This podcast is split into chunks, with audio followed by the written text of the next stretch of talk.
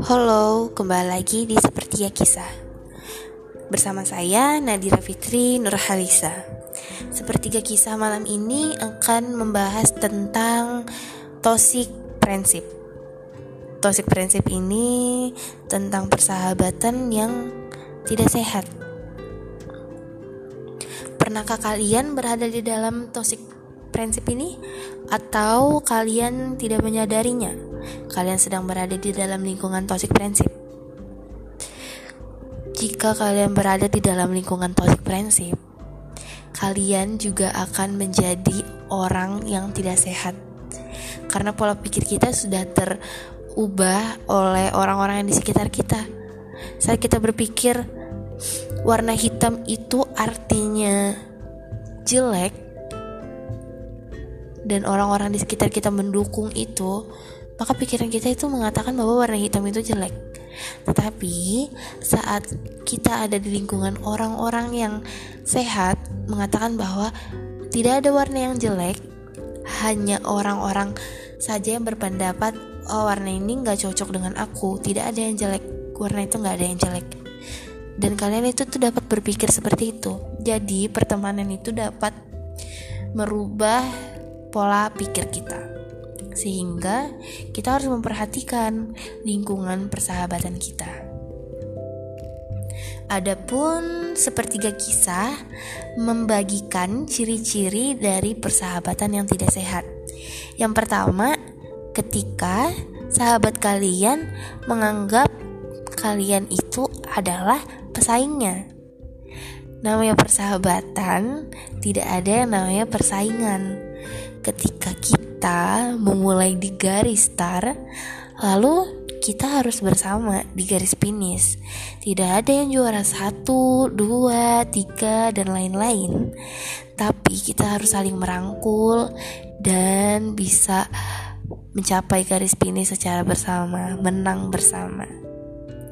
Ciri-ciri yang kedua itu ketika sahabat kalian sering berpura-pura di hadapan kalian. Masalah kepura-puraan ini sepertinya banyak ya orang-orang yang seperti ini gitu. Mereka baik di depan kita, lalu menusuk kita dari belakang. Itu sungguh menyakitkan.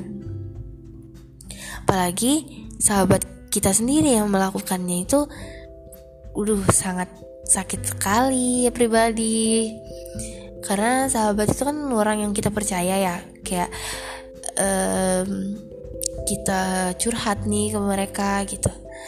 Lalu mereka nusuk kita dari belakang. Aduh itu kepercayaan kita tuh dipatahkan sia-sia.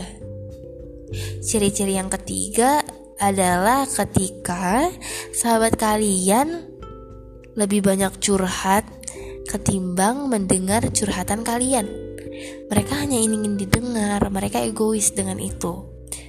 Mereka kayak aku mau curhat dong. Ini misalnya nih sahabat kalian nih bilang aku mau curhat dong. Kalian kayak iya boleh curhat kalian kasih pendapat kalian kasih jalan keluar.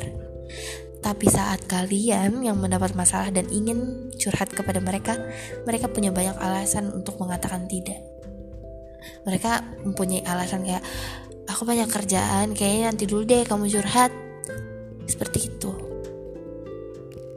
Namanya persahabatan, seharusnya kita timbal balik. Ketika saat ini kalian yang curhat, besok mungkin sahabat kalian yang curhat. Jadi kalian jadi kalian bisa memberikan pendapat, memberikan jalan keluar, lalu besok-besoknya ketika kalian yang mendapat masalah dia memberikan jalan keluarnya seperti itu.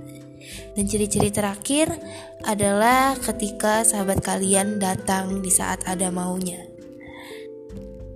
Sampai pada titik terakhir ini, ketika kalian masih mempercayai sahabat kalian saat dia sudah mempunyai ciri-ciri keempat ini, sepertinya kalian adalah orang yang tidak bisa keluar dari lingkungan yang tidak sehat ini karena kalian mau dimanfaatkan ketika dia susah, dia datang ke kalian, tapi ketika dia senang, dia melupakan kalian. Untuk saya pribadi, mungkin gak akan bisa nerima ini. karena menurut saya aku yang ada sama kamu gitu kita susah sama-sama dan senang kita harus sama-sama. Menurut aku seperti itu. Dan sahabat yang tosik banget sahabat yang tidak sehat itu akan sangat mm, cemburu kepada kalian ketika kalian punya teman baru. Mereka akan sangat marah. Bisa-bisa mereka tuh sampai yang kayak gak mau ngomong sama kalian. Seperti itu. Kalian bisa cek sahabat-sahabat kalian, kalian bisa cek lingkungan persahabatan kalian apakah ciri-ciri di atas yang saya sebutkan tadi ada di dalam lingkungannya atau kalian sendiri yang seperti itu kepada sahabat-sahabat kalian. Sekian dari sepertiga kisah malam ini.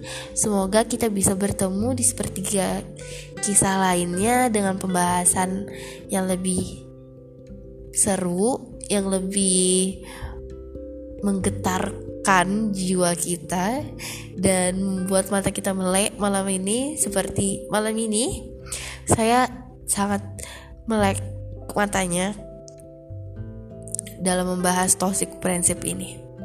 Sekian dari sepertiga kisah, sampai jumpa. Terima kasih.